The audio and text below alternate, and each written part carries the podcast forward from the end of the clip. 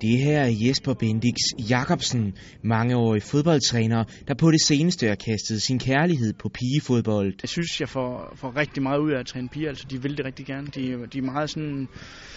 De har en stærk kraft i at komme, komme videre og gerne vil lære rigtig meget. Øhm, de vil gerne være rigtig, rigtig dygtige, når man først har piger på det niveau, som, som jeg har.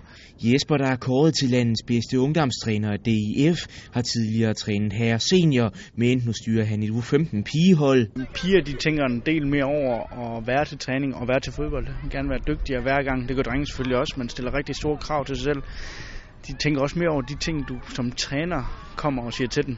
Altså små rettelser skal man vægte højere, hvordan du siger til piger, end du gør drenge, øh, fordi de tænker mere over det. Den rutinerede træner har især fokus på tre ting, når han sammensætter et træningspas.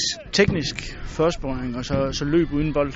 Øh, men også det sociale i at komme til træning. Øh, blive bedre hver gang du kommer til træning og stille høje krav til sig selv om, at man skal lære noget. Øh, ellers skal man blive hjemme. Øh, lige meget hvilket niveau du kommer på, om det er på unionsniveau eller om du er nybegynder, så skal du kunne lære noget af vores træning. Men det fodboldmæssige er ikke nok. Uden for fodboldbanen skal pigerne også kunne fungere, og det hjælper Jesper med til. Vi laver hver år både sociale arrangementer med, med fodbold med forældre, men også for pigerne selv, hvor vi spejderhytter og på skoler og laver meget andet end fodbold, hvor der er andre end lige dem, der, der slår til til træning, øh, der har, øh, har sine styrker. Øh, det gør vi både til opstart og når vi slutter af.